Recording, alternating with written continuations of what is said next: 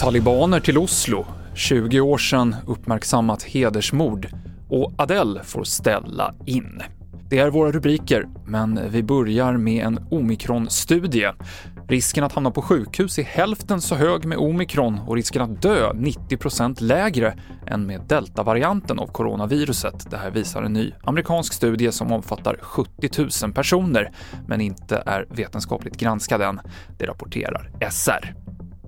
Talibanstyret kommer till Norge i helgen för tre dagars förhandlingar om den humanitära krisen i Afghanistan.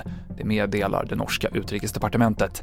Det är första gången sedan talibanerna återtog makten i Afghanistan i somras som man reser till ett land i västvärlden för att förhandla.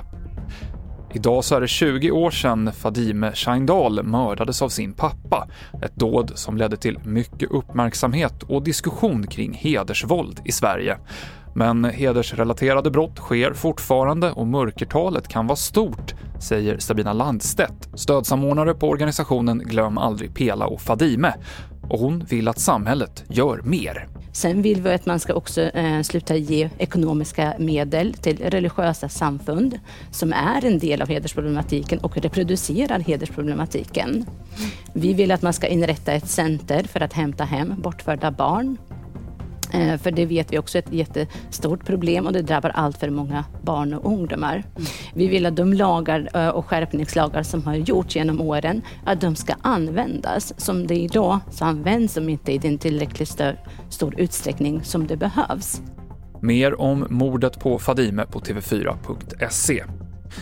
Ett coronautbrott gör att Adele tvingas ställa in alla sina spelningar i Las Vegas med mindre än ett dygn kvar till premiären.